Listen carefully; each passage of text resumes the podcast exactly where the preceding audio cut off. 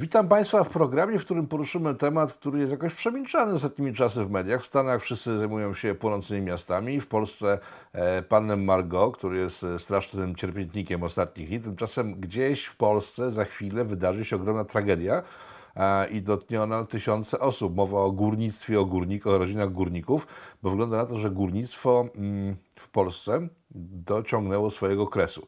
E, czy tak jest, jak się wydaje, odpowie Państwu Jakub Wiek, dawno niewidziany. E, witam Jakubie.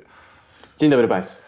Co się dzieje z górnictwem? Bo z informacji, jakie wyciekają do mediów, wynika, że to może być ostatni rok górnictwa w Polsce. To jest przesada gruba, czy faktycznie tak jest? To jest przesada i tutaj się nie wieściłbym upadku górnictwa w ogóle jako sektora. Natomiast e, są spółki, E, działające w branży górniczej, które mają poważne problemy i e, dla których w zasadzie e, nie ma skonsolidowanego, jakoś bardzo rozbudowanego czasowo planu sanacyjnego, planu restrukturyzacji. Z czego wynikają te problemy? Jeżeli chodzi o polskie górnictwo, tutaj problemów jest bardzo dużo. przede wszystkim możemy zacząć od tego, że nasz tradycyjny region górniczy, czyli Śląsk, E, to są już złoża bardzo zczerpane, to są złoża położone bardzo głęboko, co przekłada się na koszty wydobycia, gdyż e, żeby sięgnąć do węgla, który znajduje się e, na takich poziomach jak 1300 metrów pod ziemią, a do takich pułapów sięgają już polskie kopalnie, no to trzeba odpowiednio dużo środków przeznaczyć na zabezpieczenie, na budowę szybów, na instalacje doprowadzające powietrze, odprowadzające metan. E, w ogóle polskie kopalnie są bardzo zametanowione. E, to też e, przekłada się na czas dojścia do tak zwanego przodka, czyli na czas, który potrzebuje górnik, żeby przejść do ściany wydobywczej. To się wszystko przekłada na koszty, koszty wydobycia, które rosną i przez które polski węgiel staje się coraz mniej konkurencyjny, nie tylko na rynkach europejskich, światowych, ale też na rynku nawet wewnętrznym co doprowadza do sytuacji, w której bardziej się opłaca ściągnąć węgiel na przykład z Rosji czy z Australii. Rosja jest bardzo popularnym tematem, bo to rosyjski węgiel, wiadomo, zabija wszystkich, ale z Australii nawet ściągamy węgiel, jest tańszy od polskiego węgla, tak? Oczywiście, ściągamy węgiel z Australii, z Kolumbii, on płynie przez e, morza, oceany i zostaje wyładowany E, na węgloportach i dostarczany do miejsc docelowych i to nadal jest tańsze niż wydobycie e, surowca e, na, na Śląsku. To też wynika z tego, że nasz węgiel wcale nie jest jakiejś super jakości, ten, ten śląski to, i e, oczywiście swoje ma przełożenie fakt, że Śląsk to jest teren silnie zurbanizowany, więc wszelkie szkody górnicze E, które powodują e, spółki, no, są multiplikowane przez właśnie z, z duże zgromadzenie e, mieszkańców, budynków na, na, danym, na danym terenie. I przez to polski węgiel nie jest w stanie konkurować. Mamy też anachroniczny układ pracy w kopalniach, który jest troszeczkę spetryfikowany przez raz siłę, jaką cały czas mają związki górnicze, a dwa przez takie społeczną percepcję zawodu górnika. Polacy w bardzo dużej części popierają w ogóle przy, przywileje E, górnicze i nie chcą, e, żeby e, górnicy zostali ich pozbawieni. Więc mamy taką sytuację trochę patową. To znaczy wiemy, że zmian w górnictwie potrzeba. To jest zwyczajny rachunek ekonomiczny, który wskazuje na to, że węgiel po prostu w Polsce przestaje się opłacać wydobywać. Natomiast oczywiście swoje też dokłada polityka klimatyczna unijna, to już wchodzimy bardziej w ten segment generacyjny, E, i mówimy o elektrowniach. Natomiast e, problem polskiego górnictwa jest to, że ono w dużej mierze jest już e, nierentowne. Pytanie, czy to jest trwała nierentowność, czy to jest nierentowność, którą można, można jakoś zmienić. Natomiast ostatnie próby podratowania jednej ze spółek Polskiej Grupy Górniczej zostały zablokowane przez stronę społeczną, przez górniczych związkowców, którzy, można powiedzieć, w bardzo bojowych nastrojach odtrącili pewien plan, który został przygotowany e, między innymi pod auspicjami Ministerstwa Aktywów Państwowych, został przedstawiony e, stronie społecznej, no, która powiedziała twarde weto, postawiła e, i nawet tam pojawiały się doniesienia o jakichś takie buńczuczne deklaracje czwartego powstania śląskiego. No więc mamy sytuację patową, a tymczasem spółki znajdują się już w bardzo poważnej sytuacji. No, no, takiej, że tutaj chodzi już o płynność wypłaty e, wynagrodzeń i to jest problem, który może dotknąć wszystkich górników, związkowców i też niezwiązkowców e, i w ogóle naszą strategiczny sektor, jakim jest właśnie branża e, wydobywcza węgla kamiennego. Związki zawodowe są podawane od dekad jako główny problem górnictwa. Na czym polega ten problem e, tak, tak naprawdę? Poza tym, że e, duża część związkowców nie pracuje, tylko związkuje sobie. Jakieś doniesienia miałem takie ze Śląska, że szef jednego ze związków zawodowych górników jeździ bardzo dobrym samochodem, tymczasem, e, tymczasem nie zgadza się na to, żeby, żeby po prostu obniżyć mu pensję jako związkowcowi. Jak, jak to wygląda w rzeczywistości? E, jeżeli chodzi o temat związków, to tutaj przede wszystkim trzeba zauważyć, że e, uzwiązkowienie w kopalniach jest bardzo wysokie. To znaczy w niektórych zakładach przekracza ono 100%, więc dochodzimy już do sytuacji, powiedziałbym, patologicznej, w której. E, jak, jak, jak to możliwe, że 100% przekracza? Po prostu jeden górnik należy do kilku związków zawodowych. Okay. Więc to w tym momencie możemy powiedzieć, że mamy sytuację, w której związki zawodowe z takiego narzędzia obrony interesów pracowniczych e, stają się w zasadzie bardzo skuteczną bronią ofensywną, to znaczy e, są e, używane jako siła zmierzająca do narzucenia pewnej woli pracowników bez, bez pewnych kalkulacji dotyczących długoterminowych skutków takiej walki. To widzieliśmy już po ostatnich zawirowaniach w polskiej branży górniczej, kiedy po kryzysie w latach 2015-2016, kiedy kompania węglowa w zasadzie stała nad przepaścią krawędzi bankructwa i została pewnym wysiłkiem prze modelowana w polską grupę górniczą i, tam w różnych spółkach górniczych też doszło do wstrzymania e, wypłat niektórych przywilejów. Po to, żeby właśnie ratować polski sektor górniczy, to widzieliśmy potem, że kiedy górnictwo w Polsce zapało pewien oddech w związku z koniunkturą na rynkach e, światowych na, na węgiel, od razu związkowcy zażądali wypłaty zamrożonych czy zawieszonych e, benefitów e, i to w zasadzie pogrzebało plany pewnego, e, pewnego odłożenia czy oszczędzenia środków przez zakłady na takie momenty, jak mamy obecnie, kiedy pandemia koronawirusa nałożyła się na negatywny dla polskiego górnictwa trend, na, e, jeśli chodzi o ceny węgla na rynkach e, światowych e, i spowodowała to, że, że, kompanii, że, że, że polskie spółki węglowe po prostu ocierają się o bardzo duże ryzyko zupełnego zachwiania i nawet bankructwo. Więc no, związki moim zdaniem podcinają gałąź, na której same siedzą i nie baczą na to, jakie problemy wkrótce e, spotkają w ogóle sektor węglowy w Europie, ale przede wszystkim e, ten polski sektor węglowy, bo jesteśmy takim węglowym rodzynkiem, jeżeli chodzi o węgiel kamienny cały czas w, w, ramach Unii Europejskiej. Natomiast oczywiście tutaj też nie wolno zapomnieć, że pewną e, winę za to ponosi rząd, który nie komunikował odpowiednio dobrze zmian, które zamierza podjąć i faktycznie to przedstawienie planów w, na spotkaniu ze związkowcami mogło być przez tych związkowców odebrane jako e, pewnego rodzaju narzucenie linii i e, ten ich protest jest e, trochę demonstracją siły, ale wynikającą właśnie z braku z braku odpowiedniej komunikacji na linii rząd, strona społeczna. I to jest coś, co, co, co się jeszcze bardziej E, przełożyło na tą e, i tak szalenie trudną sytuację. Na czym polegał plan przedstawiony przez rząd, dokładnie przez ministra Sasina? E, o tym planie tak naprawdę wiemy tyle, co przeciekło do mediów i tam plan był dosyć rygorystyczny, gdyż zakładał przede wszystkim, mówił wprost o zamykaniu kopalń, o tak naprawdę wygaszeniu wszystkich kopalń, tak jak mówił to E, jak podawał to, podawały to różne media, o wygaszeniu wszystkich kopalń e, polskiej grupy górniczej w perspektywie następnych kilkudziesięciu lat. No i to zostało skwitowane przez związkowców, e, którzy którzy został przedstawiony ten zarys planu, czy nawet czerpali informacje z, media, z mediów, jako jakiś absurd, jako coś zupełnie nie do przyjęcia. I w zasadzie minister Sasin, który udał się na Śląsk, żeby przedstawić ten E, te, te zamiary stronie społecznej wrócił z kwitkiem i nie, nie podjęto tutaj walki celem przekonania związkowców e, o, o konieczności egzekwowania e, tego planu. Ja zakładałem, że to jest element taktyki drzwiami w twarz, czyli najpierw przedstawienie związkowcom bardzo rygorystycznego, bardzo zaawansowanego i obciążającego planu, że potem przedstawić im łagodniejszy, ten właściwy, który realnie chciał forsować rząd, no ale na taki plan na razie czekamy. Wiemy, że wkrótce Polska Grupa Górnicza ma znaleźć się w takiej dosyć trudnej sytuacji, jeżeli chodzi o miesiąc wrzesień, bo tam już w sierpniu, w lipcu pojawiały się informacje że może, mogą być problemy nawet z wypłatą wynagrodzeń.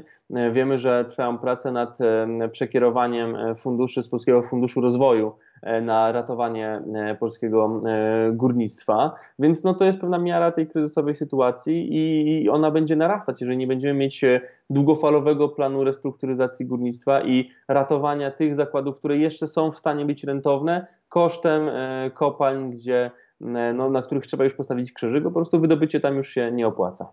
Czy ja dobrze rozumiem, że górnicy, związkowcy dokładnie wiedząc o tym, że ich kopalnie są nierentowne, albo będą nierentowne w przeciągu najbliższej dekady, nie zgadzają się na żadne reformy w tych kopalniach, a z drugiej strony żądają pieniędzy z Funduszu Rozwoju, który wskazuje nazwa, że służy rozwojowi, a nie e, topieniu pieniędzy w martwych przedsiębiorstwach. E, z pozoru tak może właśnie wyglądać i jestem e, zdania, że część górników wychodzi z takiego właśnie założenia. Natomiast z moich rozmów z, z górnikami ze Śląska wynika, że oni chcieliby przedstawienia pewnej wizji dotyczącej rozwoju i ich branży i całego regionu w kierunku pewnej transformacji E, zmierzającej do tego, żeby przełożyć ich zatrudnienie w może inne branże. Natomiast e, po pierwsze, my takiej transformacji e, nie mamy, nie ma takiego dokumentu programowego dotyczącego tego, co zrobić z, z górnictwem, chociaż przecież wszystkie partie polityczne najważniejsze, które E, brały udział w wyborach w ubiegłym roku do, do, do parlamentu, miały w swoich e, programach specjalne deklaracje dla Śląska, które de facto były takim e, głaskaniem po głowie strony społecznej górniczej, mówiącym, że spokojnie, my to faktycznie przemy do transformacji energetycznej w kraju, ale dla Śląsk, Śląsk potraktujemy specjalnie, więc się nie bójcie. No ten taki appeasement, można powiedzieć, i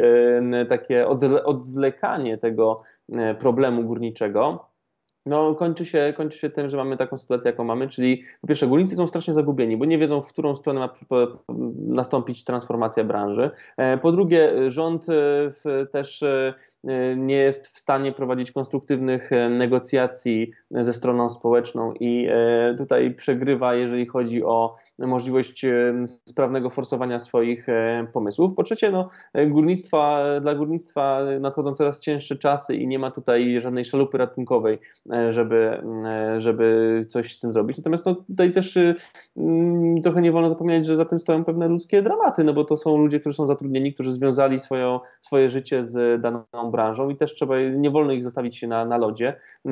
Co nieco już się dzieje na Śląsku, jeżeli chodzi o pewną agregację nowych branż, gdzie można e, znaleźć zatrudnienie. I mówię tutaj o przede wszystkim przemyśle e, samochodowym. E, widać, jak jeżeli spojrzymy na mapę gospodarczą Polski, że faktycznie Śląsk, na Śląsku zaczyna się pewne lokowanie dużych zakładów pracy, aczkolwiek no, to też trzeba komunikować, to trzeba wyjść z, do strony społecznej z zapowiedzią, że tak, czas węgla w Polsce się kończy, bo się kończy z, z różnych czynników, natomiast nie zostaniecie zostawieni samymi sobie, tylko mamy dla Was przygotowane pewne drogi rozwoju, które możecie e, wybrać. E, no i teraz dogadajmy się, jak to zrobić tak, żeby to było z korzyścią i dla Was, i dla nas. I, i myślę, że to jest do zrobienia.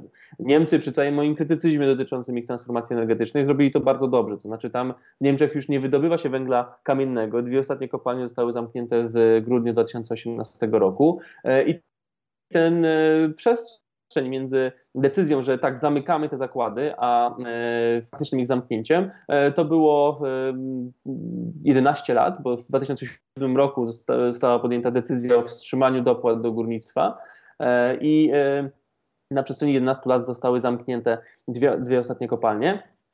Natomiast tam zostało to bardzo szeroko e, rozegrane, jeżeli chodzi o właśnie tą stronę społeczną, o ludzi, którzy pracowali w kopalniach, w górnictwie i ich rodziny. Tam powołano specjalne fundusze ze, ze środek, e, środków spółek górniczych, które miały im pomóc przy tej transformacji. Przygotowano dla nich takie pakiety doradcze, przygotowano specjalne instytucje, które zajmowały się kultywowaniem tradycji górniczych, żeby to też nie poszło w niwecz. I to się da zrobić. I tak naprawdę, jeżeli będziemy chcieli tworzyć naszą wizję wyjścia z górnictwa, a musimy coś takiego robić moim zdaniem. I to już zresztą pojawia się z ust praktycznie wszystkich polityków na scenie e, politycznej w Polsce, że my musimy coś z tym górnictwem zrobić w kierunku jego wygaszania, no to no, myślę, że możemy czerpać z doświadczeń naszego zachodniego sąsiada, bo w Niemcy tak naprawdę od roku 2000, od lat 60., 70. XX wieku, no, notują ten schyłek swojego wydobycia węgla kamiennego z tych samych powodów mniej więcej, których w Polsce doświadczamy, czyli problemy geologiczne, problemy natury właśnie głębokości kopalń, zurbanizowana okolic regionów górniczych i tak dalej. Oczywiście to nie, nie przełożyło się dla Niemców na wyjście z węgla, bo tam cały czas węgiel kamienny jest spalany i będzie jeszcze spalany przez e, długi czas i zresztą czego ostatnio oddana elektrownia Datteln 4 na węgiel kamienny jest e, dowodem, aczkolwiek te doświadczenia organizacyjne jak najbardziej możemy przełożyć na, na grunt polski i po prostu uniknąć pewnych błędów i, i, i problemów, e, żeby jak najsprawniej przeprowadzić tę transformację. Jak wyglądały te rozwiązania w Niemczech? No, poza kultywowaniem kultury górniczej oczywiście. Co zaproponowano górnikom, e, żeby bez łez większych odeszli z branży? To, I czy my w ogóle coś takiego robimy w ciągu ostatnich 30 lat, czy to jest kompletnie e, temat zapomniany? E, przede wszystkim tam powołano specjalne fundusze, które dysponowały środkami związanymi właśnie na, z, z pomocą dla, dla górników i z E, pewnego rodzaju e, transformacją gospodarczą regionów e, górniczych. Też tradycyjne gminy górnicze, gdzie odsetek pracujących w tym sektorze był bardzo wysoki, miały przydzielone pewnych doradców, którzy zajmowali się między innymi poradami zawodowymi, tym jak się kierować, jeżeli chodzi o obór przyszłych dróg zawodowych, no ale przede wszystkim była bardzo jasna komunikacja ze strony rządu federalnego, który podjął decyzję o wstrzymaniu do, dopłat do górnictwa i też ze strony rządów e, e, związkowych e, i ze strony spółek. To znaczy tam był jasno wytyczony plan, który miał doprowadzić do zamknięcia ostatnich kopalń i ten plan został odpowiednio wcześniej przedstawiony i stopniowo realizowany. I teraz Niemcy robią to samo, tylko już w w zakresie swoich mocy wytwórczych e, dotyczących w zakresie węgla, e, więc po prostu chodzi o pewną, przede wszystkim moim zdaniem o komunikację, o ten e, poziom przedstawienia tego, co chce się zrobić. Tego w Polsce brakuje, my tego zupełnie nie robimy i, i to, to nasze strategie, które, które powstają już y, od, od lat y, dotyczące górnictwa czy w ogóle energetyki, nie są realizowane konsekwentnie i, i z tym mamy bardzo duży problem. Tak naprawdę e, ostatnia reforma górnictwa, która była prawdziwą restrukturyzacją, no to jest zarządów Jerzego Buzka, to wicepremier Steinhoff e, faktycznie kosztem zamykania kopalni, redukcji etatów urynkowił e, produkcję węgla w Polsce i pozwolił kopalniom bodajże 6 zł na tonie zarabiać podczas gdy przed jego e, inicjatywą to były straty rzędu 20 zł na tonie. Więc mamy tutaj faktycznie e, możliwości e, podniesienia tej rentowności, no tylko to wymaga drastycznych kroków i, i pewnych de odważnych decyzji, no, których nie wolno się bać. No tak, ale kiedy, kiedy słucham tego, co mówisz, to widzę taką dwoistość i trochę się gubię, prawdę mówiąc. Bo kiedy na początku spytałem, czy jesteśmy świadkami e, początku, końca polskich kopań, powiedziałeś, że nie, nie jest tak źle. Tymczasem w dalszej swojej wypowiedzi mówiłeś o wygaszaniu kompletnym górnictwa w Polsce. No to jest chyba początek końca, jakby nie patrzeć. Jeżeli chodzi o ten koniec górnictwa, to faktycznie już powinniśmy się szykować do tego, że on w pewnej perspektywie nastąpi. To nie jest perspektywa tego roku, czy nawet następnego, natomiast e, do tego E, już e, powiedzmy standardowego miernika e, horyzontu czasowego, czyli roku 2050, myślę, że możemy mówić o, o pewnych ruchach, które będą wskazywały na to, że ten koniec już w tej perspektywie nastąpi, albo niedługo po niej E, nastąpi. Tutaj nawet ze strony pana premiera Sasina słyszeliśmy, że e, koniec węgla w Polsce to jest mniej więcej rok 2060 i to faktycznie biorąc pod uwagę obecne nasze e, tendencje transformacji energetycznej i gospodarczej jest datą realną do, do, do, do zrealizowania i możemy w tym kierunku, kierunku iść. Natomiast w tym momencie my węgla cały czas potrzebujemy i będziemy go jeszcze potrzebować przez e, na pewno e, ładnych e, kilkadziesiąt lat, gdyż w tym momencie nasza energetyka jest oparta w znacznej mierze właśnie na węglu brunatnym, na węglu kamiennym. I, I, nie widzę technologicznej możliwości tak szybkiego wychodzenia z, z tego surowca, byśmy zupełnie porzucili jego, jego e, wydobywanie i jego, jego spalanie. Po prostu nie stać nas na to, żeby technologicznie tak szybko podołać zastępowaniu bloku i to też proces e, taki bardzo techniczny, organizacyjny, czyli budowanie nowych elektrowni, przyłączanie ich ze, ze starych, łącznie z wygaszaniem starych bloków, no też jest, jest trudny, poza tym trzeba się odpowiedzieć na pytanie, na co te mają być te nowe elektrownie, jak, mają być, jak ma być projektowana polska transformacja energetyczna. Tych pytań de facto też jeszcze nie znamy odpowiedzi na te pytania, bo nie mamy zatwierdzonej mapy E, transformacji, czyli polityki energetycznej Polski do 2040 roku, która cały czas jest dokumentem nieoficjalnym. Nad nią trwają prace i może do końca tego roku uda się e, je sfinalizować. Zobaczymy, co się ukaże, jeżeli chodzi o tą układankę rządową e, po, po zapowiedzianej rekonstrukcji, mającej nastąpić na przełomie tam września i października. Natomiast mamy bardzo dużo pytań, na które nie ma jasnych odpowiedzi. E, no i to jest to troszeczkę, tak jak mówiłem, błędy w komunikacji. Natomiast e, nasze górnictwo chwieje się w posadach i to jest fakt, który jest doskonale widoczny, e, jeżeli spojrzymy na, na możliwości, na, na, warunki gospodarcze i w jakich obracają się kopalnie i chociażby na to, że mamy w bodajże samym, samym lipcu kopalnie wydobyły o 700 tysięcy ton więcej niż udało im się sprzedać. E, więc no, a, a, i tak tutaj też gdzieś pewnie ten import będzie odnotowywany, więc no, mamy pewne problemy, e, który, i brakuje nam takich długofalowych odpowiedzi na to cały czas e, czekamy.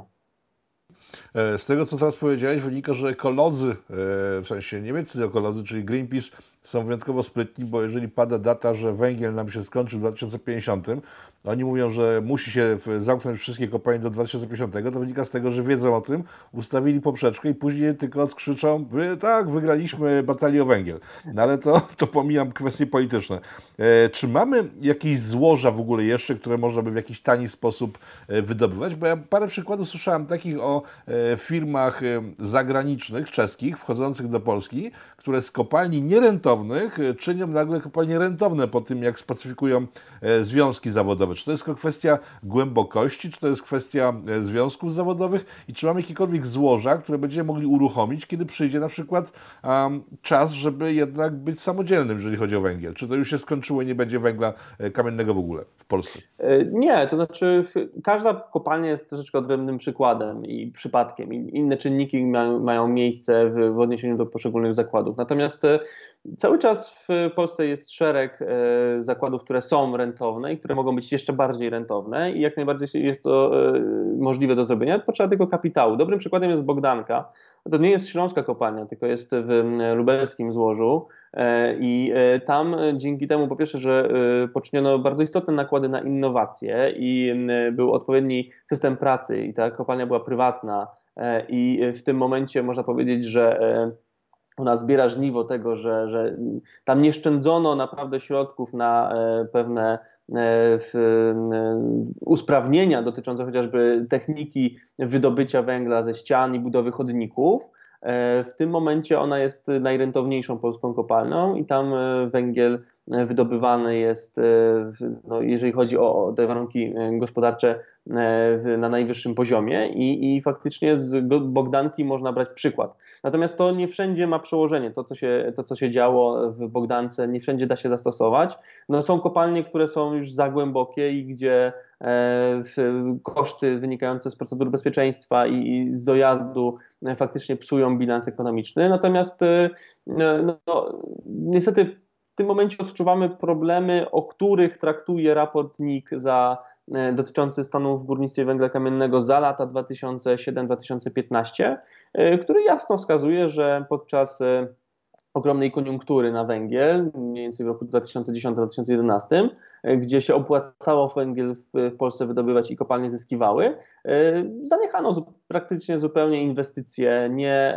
nie budowano nowych ścian, nie usprawniano wydobycia, nie obniżano kosztów i, i, i można powiedzieć, że górnictwo leżało odłogiem i czerpano E, tylko z tego, tych profitów bezpośrednich, nie troszcząc się o to, co będzie później. A kiedy ta e, hossa się skończyła i kiedy ceny węgla e, na rynkach światowych spadły, to wtedy pojawił się problem. Ten problem skończył się prawie bankructwem kompanii węglowej. Natomiast no, w tym momencie nie, nie odbito jeszcze z poziomu tego, co, co, co, się, co się wydarzyło właśnie wtedy. I ten raport wskazuje, że przez te zaniechania, przez te problemy z inwestycjami, przez takie podejście do, do górnictwa, no, część tych obecnych E, tarapatów, w których znajduje się branża, właśnie stamtąd wynika. Więc no tutaj też jednak, jeżeli bierzemy pod uwagę to, co o czym mówiłem wcześniej, czyli że, że, że górniczy związkowcy, e, kiedy tylko górnictwo troszeczkę zapało oddech, domagali się e, zwrotu benefitów i, i, wypłaty zawieszonych świadczeń, no to też sugeruje, że, że problem polega na nieumiejętnym zagospodarowaniu tych środków, które być może mogą się znaleźć w dyspozycji kopalń, na których kopalnie rozpaczliwie teraz potrzebują. Jakiego procenta kopalń dotyczy problem e, no, zamknięcia? E, to jest tak naprawdę pytanie, na które e, odpowiedź znają tylko kopalnie, bo to są spółki, które obracają się w takich rygorach korporacyjnych, że ich dane dotyczące opłacalności są znane tylko im. E, więc e, trudno to powiedzieć. Myślę, że rząd może mieć takie szacunki. Natomiast e, tak biorąc pod uwagę mm, te dane, o których wiemy, te dane, które są dostępne publicznie, no to nie sposób wytypować. No to jest niesamowite generalnie, że po prostu mamy dużą branżę w Polsce, bardzo bogatą, z dużymi problemami i nikt nie wie właściwie, jaki procent kopalń jest objęty problemem. To jest niesamowite dla mnie. No ale zostawmy to z boku, bo nie, nie, nie dojdziemy teraz, nie wymyślimy żadnych danych. E, czy w związku z całą tą sytuacją, bo tak, Polska Grupa Górnicza powstała, żeby uratować sytuację 4 lata temu. Jak rozumiem, nie udało się uratować w związku między innymi z tym, że związki nie dopuściły do tego, że można było zreformować całą tą branżę. Tak? E, to było polska grupa. Czy to jest, czy to jest bardziej skomplikowane? E, znaczy, z jednej strony tak, bo to cały czas nie wolno odrywać tego od tego, co się dzieje na rynkach światowych i to, od tego, jak, jak działa koniunktura lub jej brak e, na, na, na właśnie rynkach globalnych, na polski sektor górniczy. Natomiast polska grupa górnicza, można powiedzieć, z tej perspektywy ostatnich kilku lat, no jest raczej leczeniem objawowym niż e, autentyczną kuracją na problemy polskiego e, górnictwa. To, e, to, to, to przeorganizowanie kompanii węglowej w polską grupę górniczą to było de facto bardziej takie, takie organizacyjne, jeżeli chodzi o, hierarchię i o pewne możliwości finansowe będące w dyspozycji spółki. To była tak, tego typu zmiana niż realna restrukturyzacja sięgająca bardzo głęboko w tryb pracy zakładów, w, w e, układy pracy, w e, koszty wydobycia i wreszcie w zarządzanie środkami, aktywami tych spółek. Więc tutaj myślę, że po prostu zabrakło trochę odwagi, zabrakło trochę rozmachu w tym, co się, czym miała być Polska Grupa Górnicza, no i efekty tego odczuwamy w tym momencie. Pytanie na koniec ostatnie, czy w tym roku czekają nas protesty górnicze w związku z tym, czy będą ponad opony, e, fruwać śruby i na ulice polskich miast wyjdą górnicy zdenerwowani swoją sytuacją? No to jest dobre pytanie. To znaczy, ja spodziewam się, że jeżeli e, sytuacja będzie dalej rozwijała się w tym kierunku, że zabraknie e, działań ze strony rządu, które będą akceptowane przez stronę społeczną, E, no to tutaj niektóre spółki mogą się znaleźć na, na krawędzi bankructwa znowu i to będzie kataklizmem w ogóle dla, dla wszystkich górników, bo oni stracą wtedy wszystko, nie tylko e, swoje przywileje, które walczą, ale też e, etaty. Natomiast no, to nie jest na rękę rządowi w żaden sposób i raczej E, rządzący chcą tutaj w miarę sprawnie rozwiązać ten, ten kłopot. No niestety się nie udaje z, z tych przyczyn, o których rozmawialiśmy. Natomiast cały czas pamiętajmy, że jednak górnictwo w Polsce w tym momencie, górnictwo węgla kamiennego, to nie jest już to, co e, mieliśmy jeszcze w latach 90. czy na początku lat 2000. W tym momencie w sektorze pracuje bodajże 80 tysięcy osób, z tego 60 kilka tysięcy pod ziemią. E, więc e, to jest, można powiedzieć, już cień dawnej branży i to jest grupa, którą można już w tym momencie transformować w kierunku innych sektorów, w kierunku innych rodzajów zatrudnienia. I tak jak wspomniałem wcześniej, ja sądzę, że z górnikami, z którymi rozmawiałem, widzę, że, że jest chęć i potrzeba, żeby troszeczkę już myśleć o przyszłości górnictwa i o transformacji zatrudnienia dotyczącej ich oraz lub ich dzieci i, i, i e, regionów, natomiast no, cały czas nam brakuje e, takiej sprawnej, konsekwentnej i e, dalekosiężnej polityki transformacyjnej. I to jest coś, co dotyczy tak naprawdę wszystkich poważniejszych sektorów państwa, bo tego nie ma i w górnictwie, i w energetyce, więc no nie potrafimy jako państwo, pod tym względem jesteśmy bardzo słabym państwem, bo nie potrafimy projektować i realizować pewnej strategii przez dekady. No być może rząd e, myśli w ten sposób, że skoro przez 20 lat się skurczył ten rynek w sensie pracowników górnictwa tak bardzo, to do 2050 skurczy się tak, że zniknie i nie będzie problemu. No, ale zobaczymy, poczekamy i zobaczymy. E, państwo moim gościem był Jakub Wiek, Energetyka 24, tematem górnictwo. Jakubie, bardzo dziękuję za spotkanie. Dziękuję również.